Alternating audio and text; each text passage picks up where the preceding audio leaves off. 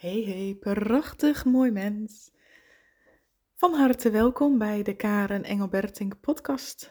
De podcast waarin ik jou heel graag meeneem in mijn eigen levensreis, mijn processen, maar ook in de dingen die ik wil delen om daar bewustzijn in te scheppen.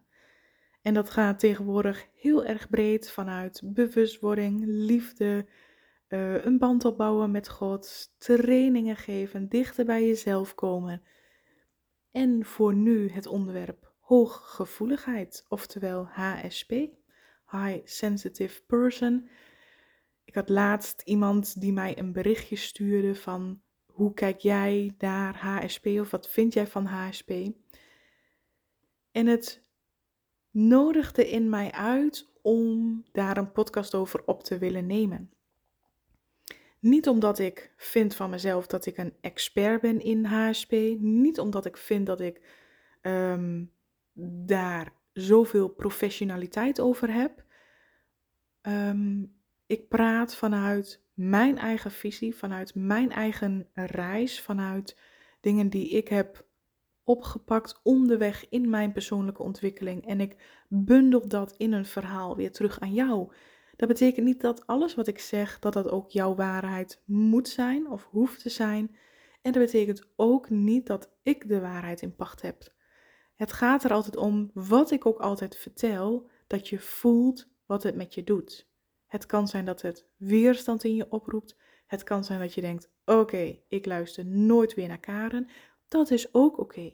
Het kan zijn dat je overal kippenvel krijgt en voelt van: wow, hier mag ik wat mee in welke opzicht dat ook, het dient altijd ter prikkeling om te kijken wat het in jou oproept. Dat is overigens het hele leven.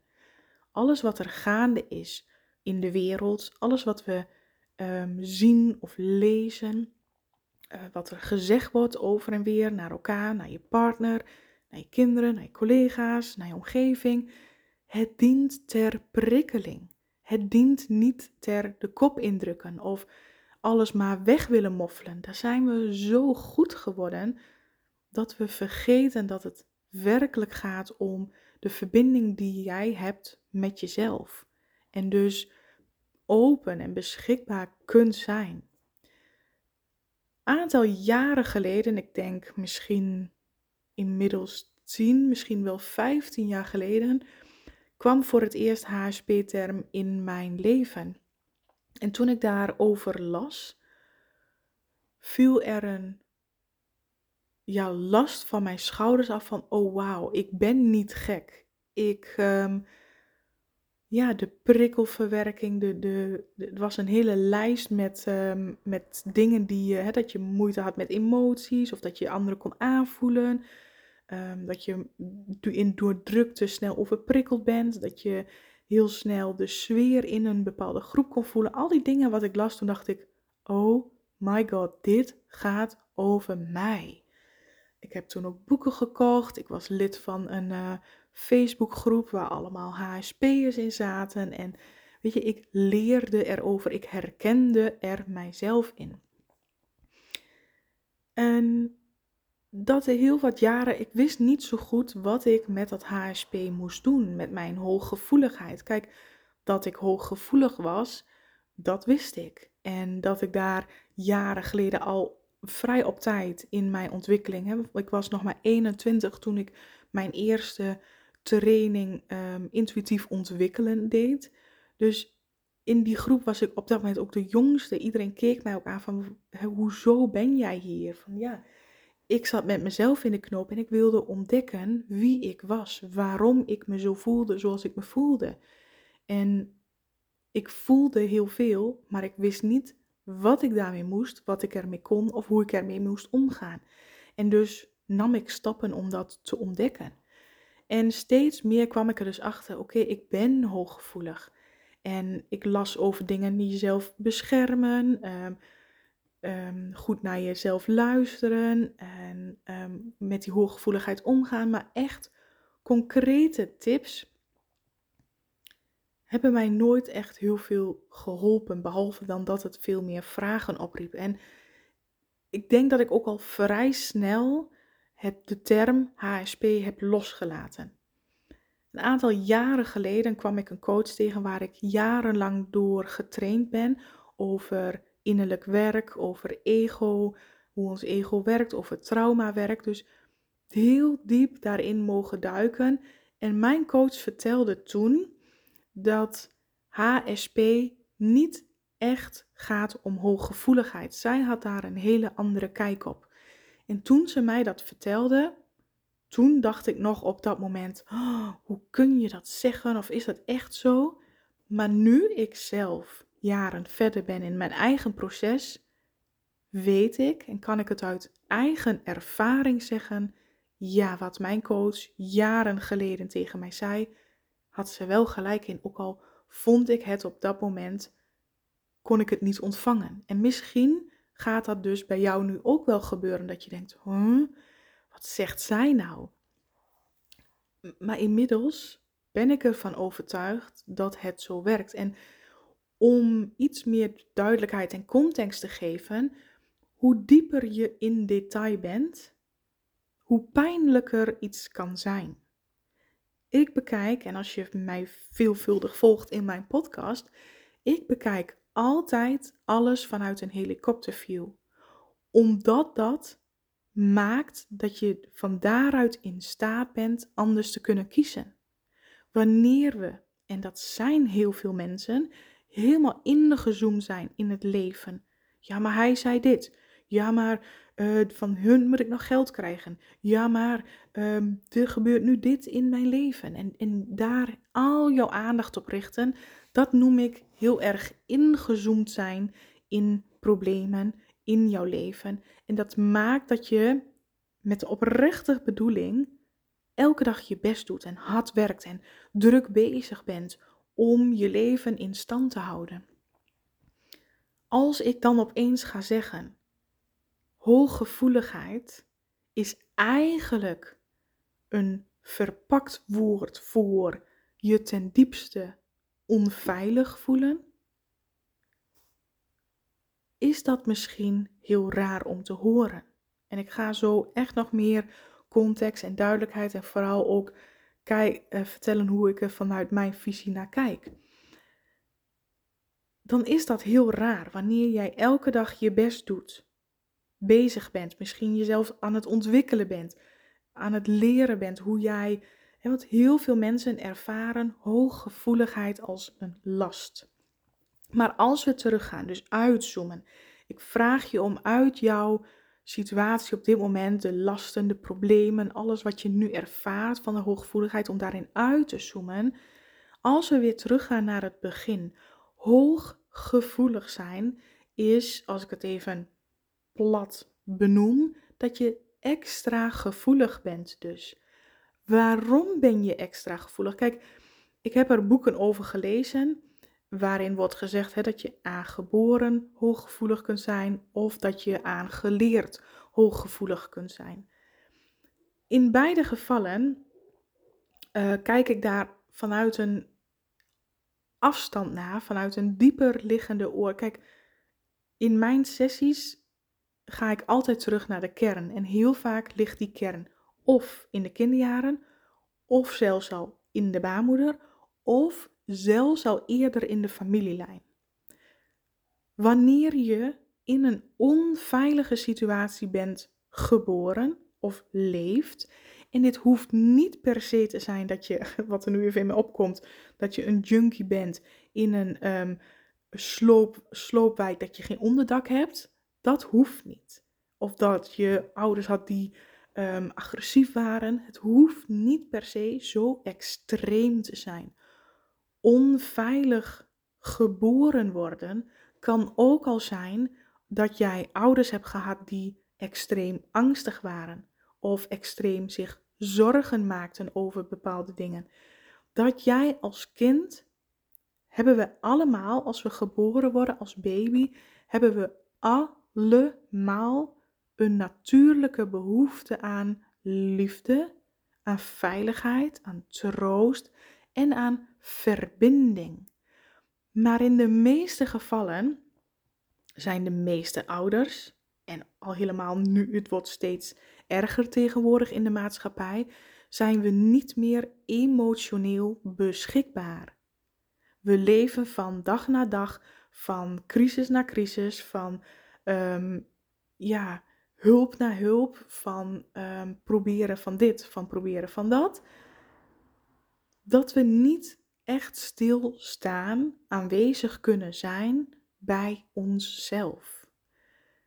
Dit is niet aan emotioneel aanwezig zijn. En heel veel ouders, opa's en oma's, gezien wat er in de voorgaande jaren oorlog, voedseltekort, allemaal dingen zijn meegemaakt, is het heel logisch dat voorgaande generaties minder, of zelfs tot vrijwel niet, emotioneel beschikbaar konden zijn en in standje overlevingsstand leefden.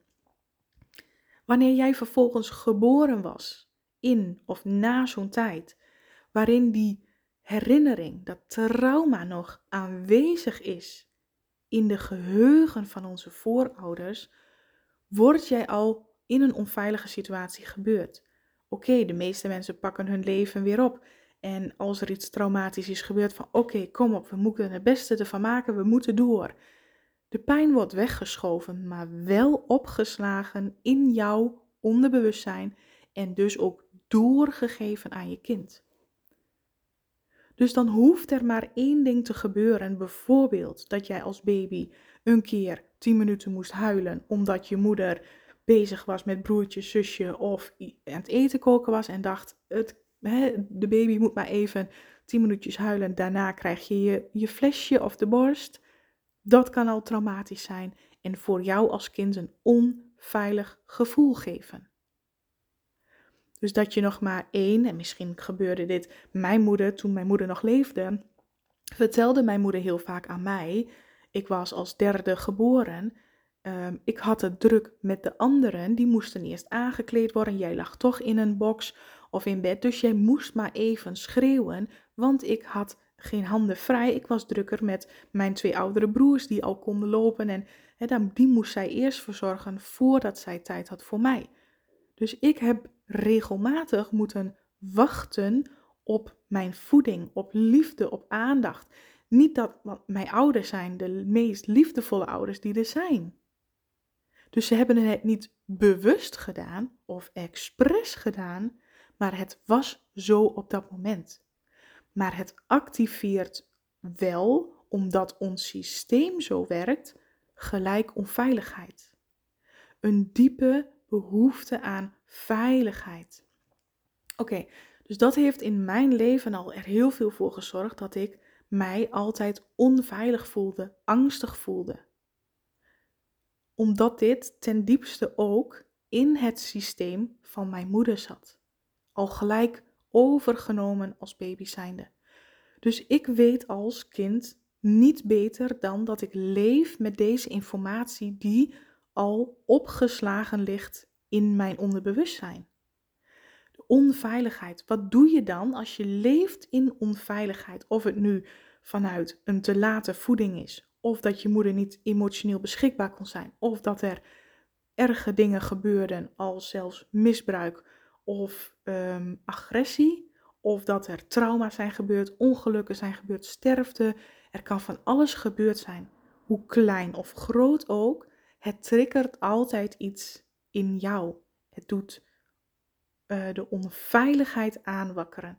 Want dat is wat we als kind allemaal nodig zijn. Maar het is onmogelijk om je hele leven slash jeugd opgevoed te worden, hoe liefdevol of goed je ouders ook waren, om alle pijn te voorkomen. Dat is onmogelijk.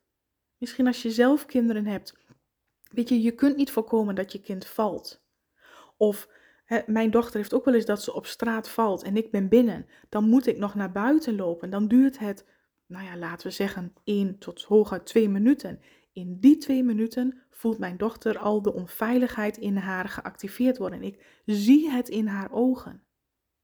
Je kan het niet altijd voorkomen. Dus je ouders, hoe goed bedoeld ook, hebben niet kunnen voorkomen dat in jou onveiligheid werd geactiveerd.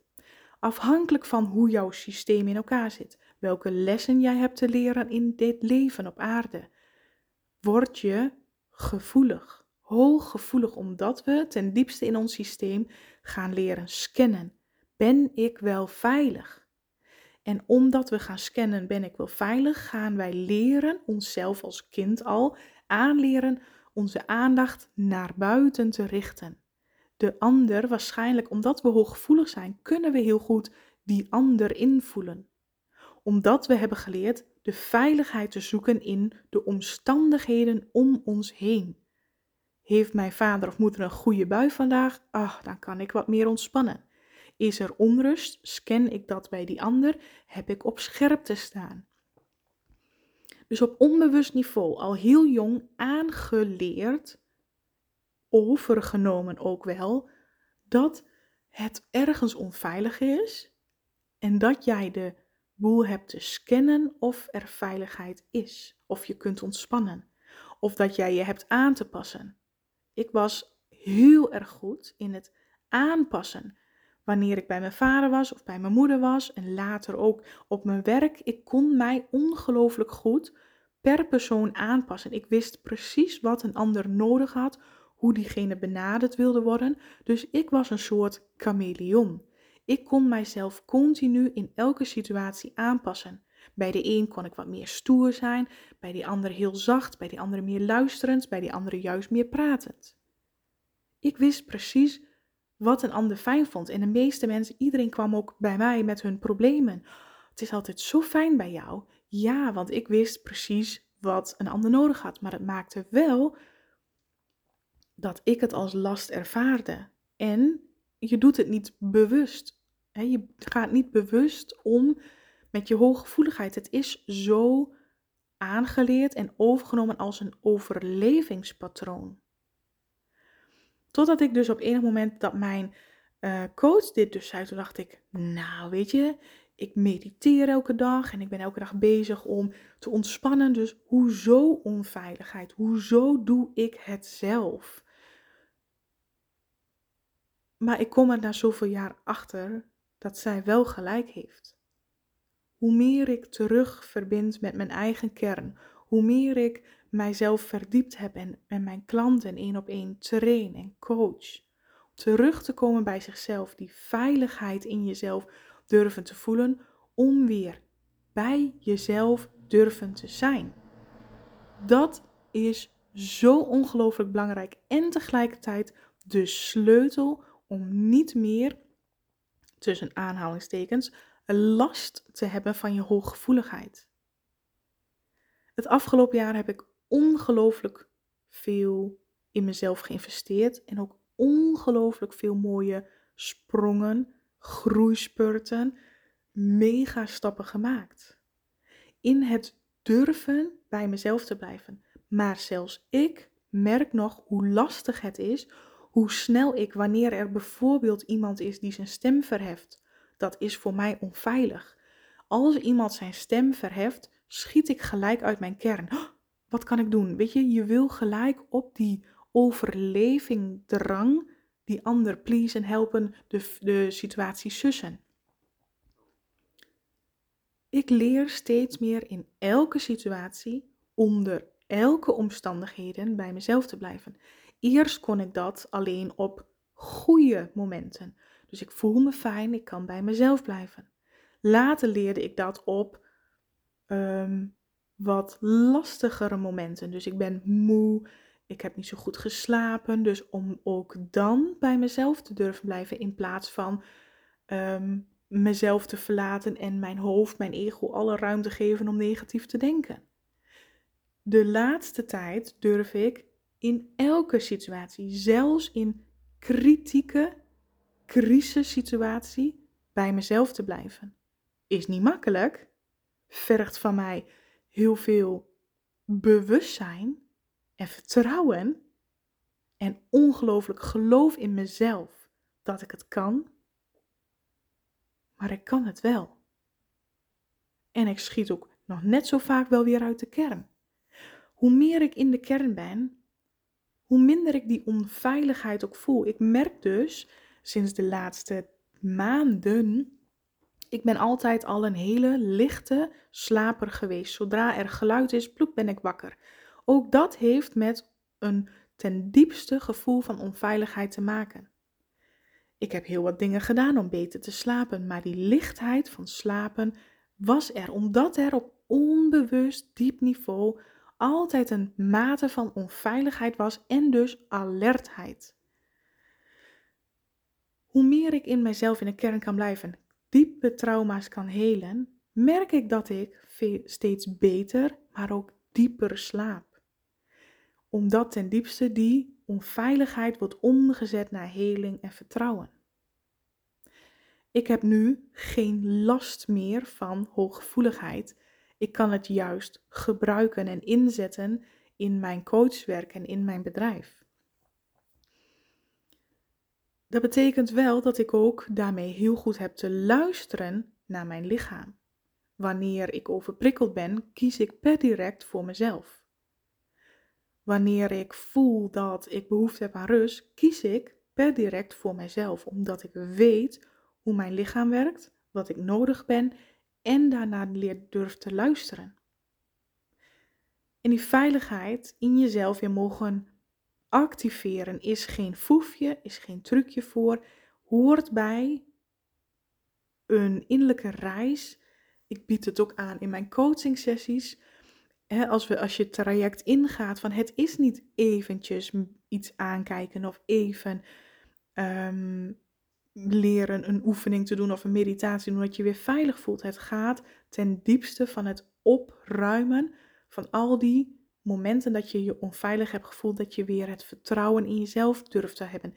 En dat je in de kern bij jezelf durft te zijn. Dat sowieso. Heel veel mensen weten niet eens hoe het is om bij zichzelf in de kern te zijn. En ten tweede, dat je bij jezelf durft te blijven. Ook op de momenten dat het moeilijk en lastig wordt. En dit is het grotere plaatje, het grotere geheel. Voor jou, als je merkt van oeh, ik herken dit en ik zit hier nog middenin, is het al een goede stap om te merken wanneer ben ik bij mezelf en wanneer ben ik eruit. Wanneer zit ik in gedachten? Ben ik in zorgen, in angst? Of zit ik te mijmeren over wat er allemaal gebeurt in de wereld en, en maak ik me zorgen over de toekomst? Of durf ik in het hier en nu bij mezelf te zijn, in de kern, naar mijn behoeftes te luisteren en te volgen wat goed voelt voor mij. Dat is al een eerste stap om dat te leren, op te merken. Daar begint het al bij. En als je verder bent in de reis, gaat het er eigenlijk om dat je diepe trauma's die doordat je bij jezelf kunt zijn, dieper in die verbinding met jezelf komt, kom je vanzelf de trauma's tegen die je daarbij weg hebben gehouden.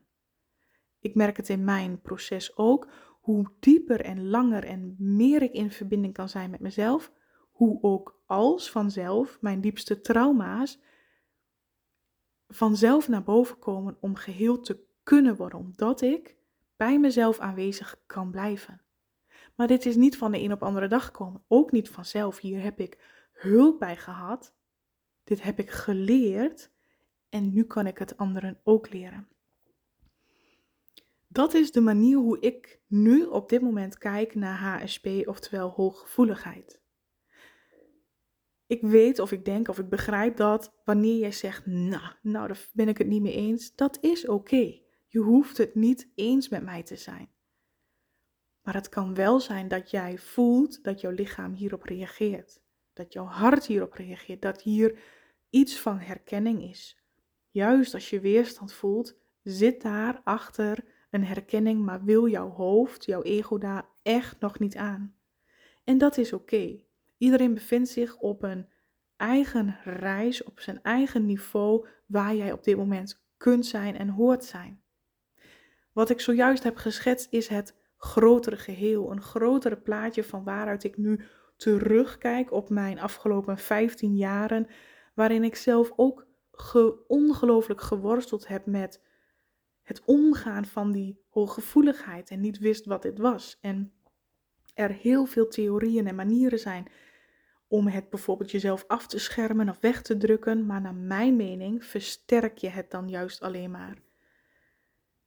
Ehm, dus dat. Zo kijk ik, vind je het interessant om te zeggen van wow, hier wil ik dieper op ingaan of uh, kijken hoe, of wij een samenwerking aan kunnen gaan, laat dan gerust een mailtje achter of ga naar mijn website www.karenengelberting.com om daar uh, mij een berichtje te sturen. Of, of op welke manier je ook contact wil opnemen. Ik sta daar open voor. En um, verder hoop ik jou door deze woorden hebben te mogen prikkelen. Dat is alleen maar goed. Of, en te mogen hebben inspireren hoe je anders mag leren kijken naar bepaalde dingen. En voor jezelf alleen maar mogen openstaan. Je alles in het leven, of het nu HSP is, of het nu je kind is die je triggert, of het nu allerlei omstandigheden zijn, alles in het leven nodigt jou uit om weer terug te gaan naar die heelheid. Niet om in die pijn of in die prikkels te blijven, maar alle contouren los te laten. Ja, maar dit heb ik al jaren zo. Ja, maar dit is een ziekte, hier kom ik niet vanaf. Jawel, alles is mogelijk op het moment dat jij het jezelf toestaat. En daar begint het leven tot leven te komen. Coming home. Oké, dit was mijn inspiratie voor nu. Dank je wel voor het luisteren en ik wens jou vanaf hier weer een hele fijne, liefdevolle dag.